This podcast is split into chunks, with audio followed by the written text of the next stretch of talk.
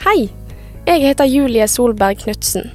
Jeg er utdannet lege og jobber nå med medisinsk pedagogikk på Universitetet i Bergen. Denne podkasten lager vi i forbindelse med et utviklingsprosjekt som heter Proffmed. En del av dette prosjektet er å forberede deg som student til sykehuspraksisen du snart skal ut i, sånn at du kan lære så mye som mulig når du er i praksis. I denne episoden skal du få høre en studentopplevelse fra praksis. Og jeg sitter her sammen med Edvin Skei, som er lege og professor på medisinstudiet i Bergen, og han er leder for Proffmed-prosjektet. Edvin, hva er det vi skal få høre i denne fortellingen her?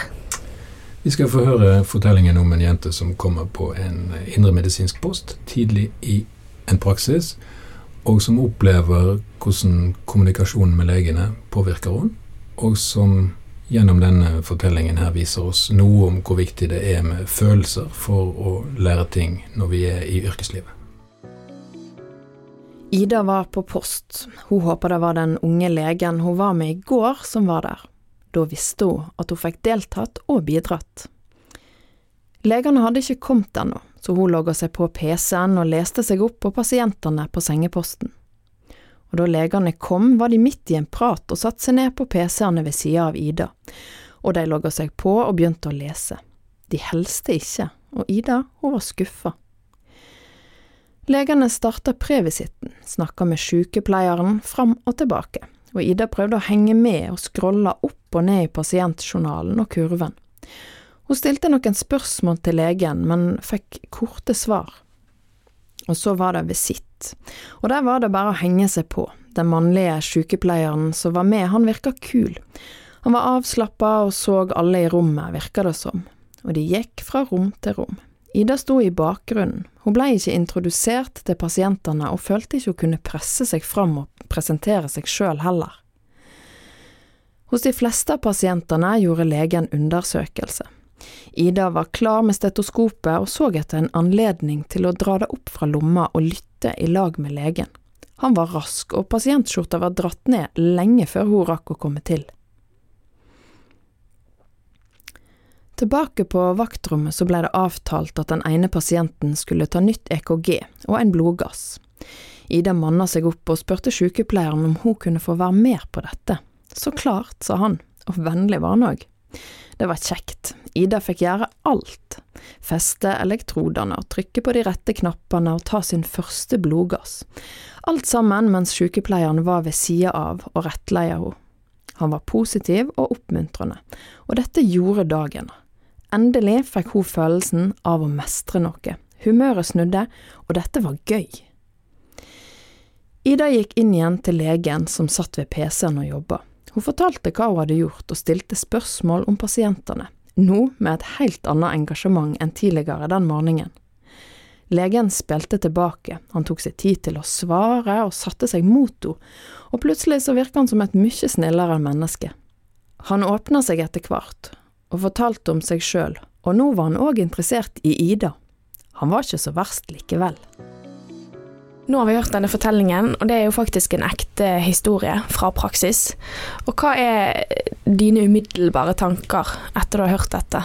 For det første at hun er en vanlig student. Eh, det er ikke noe veldig spesielt med denne historien.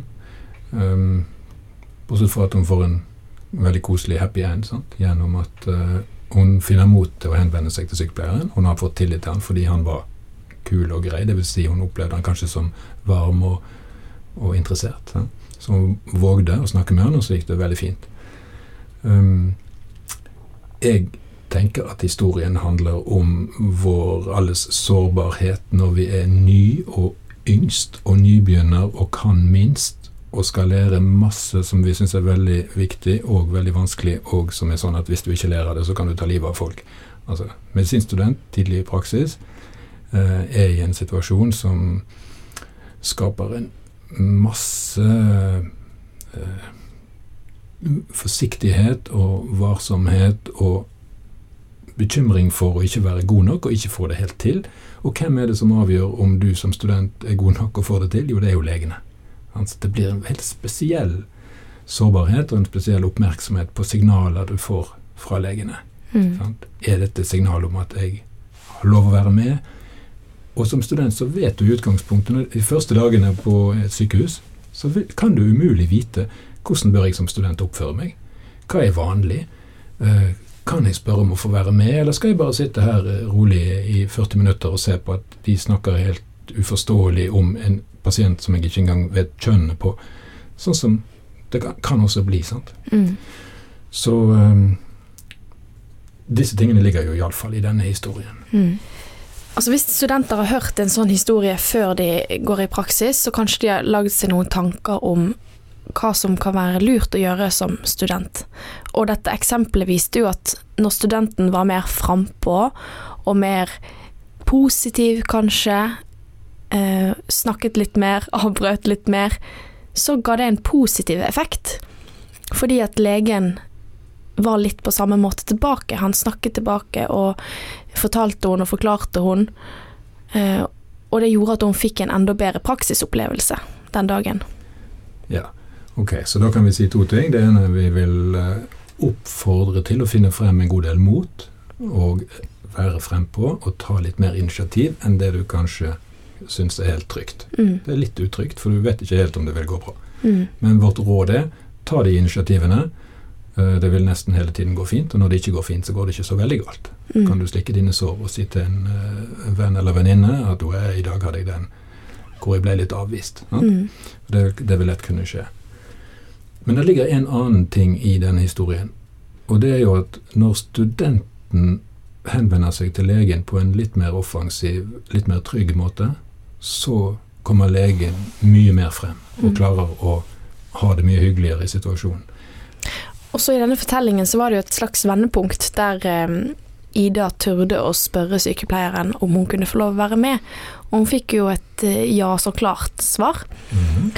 Og det snudde jo hele dagen hennes, så jeg sitter igjen med og tenker at å bare tørre å spørre om kan jeg få lov, kan jeg få prøve det, kan jeg få gjøre det, mens du ser på, mens du veileder meg, det kan være en god nøkkel til å få noen gode opplevelser i praksis og få lært noe.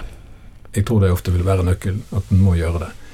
Uh, av de grunnene som vi nettopp var inne på. Sant? At de, legene har eh, for det første har de en følelse av at det er pasientene det handler om, og ikke studentene. Det, de har strengt tatt en, en, arbeidsavtale som tilsier at de også er veiledere. Men de er ikke trent til å tenke sånn. Så studentinitiativet er veldig viktig.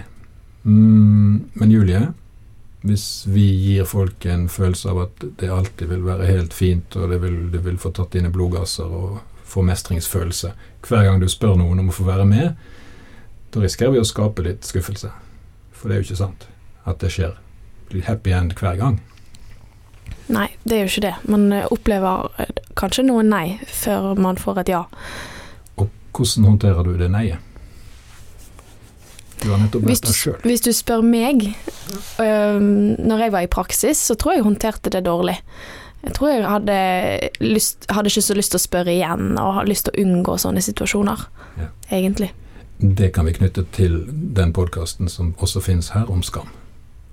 Du følte deg faktisk ikke god nok når du fikk nei, for du tenkte det må være noe galt med meg siden jeg fikk nei. Og jeg skal si deg det, Julie, at jeg husker utmerket godt når jeg var student og følte meg avvist, lite velkommen, på post. Eh, da hadde jeg også den, som jeg nå vet var skam. Mm. Okay, og da er det, det som skjer der, er en misforståelse. Vi tror det er noe galt med oss når vi rett og slett ikke passer inn i et, en eller annen travelhet, eller at de kanskje har litt feil fokus, de vi kommer til. Det sier ingenting om deg. Men hjernen din vil påstå at det sier masse om deg. Mm. så Der ligger skammen og roter det til for oss.